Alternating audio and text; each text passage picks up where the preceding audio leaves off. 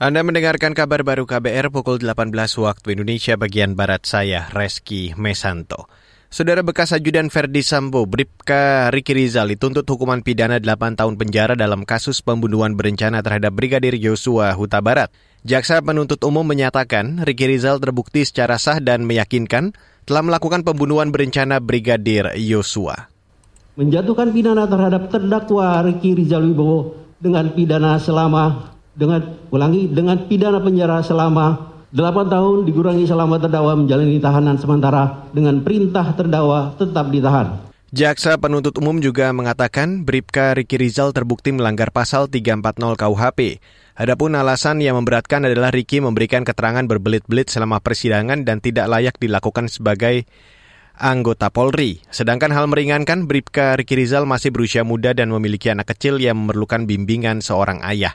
Sebelumnya, asisten rumah tangga yang juga merupakan sopir pribadi Ferdi Sambo, Kuat Maruf juga dituntut 8 tahun penjara dalam kasus yang sama.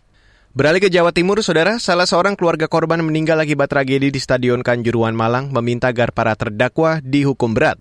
Permintaan itu disampaikan Rini Hanifah, orang tua dari salah satu korban meninggal tragedi Kanjuruan. Rini datang dari Pasuruan dan mengikuti persidangan tragedi Kanjuruan di Pengadilan Negeri Surabaya hari ini. Sebenarnya sih saya itu tidak ingin mas ke sini, tapi saya itu demi anak saya mas ya ke sini, mengikuti persidangan anak saya ini. Gimana jalannya sih persidangan ini? Intinya gini mas, sudah tidak percaya lagi sama dengan hukum di Indonesia, sangat-sangat tidak percaya. Makanya saya itu mau mengawal langsung ke Surabaya sini mas.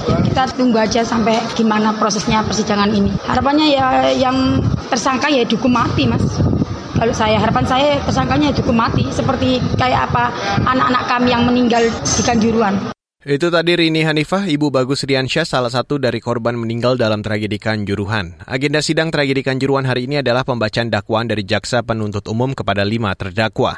Para terdakwa adalah Panitia Pelaksana Rema FC Abdul Haris, Petugas Keamanan Kanjuruhan Suko Sutrisno, Komandan Kompi Brimopolda Jawa Timur nonaktif Has Darmawan, lalu Kepala Bagian Operasional Polres Malang nonaktif Wahyu Setio Pranoto dan Kasat Samapta Polres Malang nonaktif Bambang Sidik Ahmadi. Saudara Menteri Pemuda dan Olahraga Zainuddin Amali berjanji mencari solusi atas persoalan Liga 2 dan 3 Indonesia yang dihentikan pelaksanaannya oleh PSSI.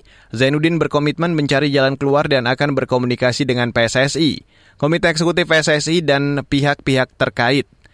Pernyataan Menpora itu disampaikan sesaat setelah melakukan pertemuan dengan beberapa klub Liga 2 hari ini. Adapun perwakilan klub-klub Liga 2 yang datang menemui Menpora Zainuddin Amali adalah Persipura, Semen Padang, FC Bekasi City, PSMS, Karu United, Sulut United, Persipal, PSIM, Persijab, dan Persiwar. Sebelumnya, Komite Eksekutif PSSI menghentikan penyelenggaraan Liga 2 dan 3 Indonesia mulai 12 Januari kemarin.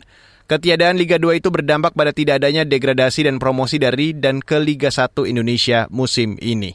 Dan saudara, demikian kabar baru saya Reski Mesanto.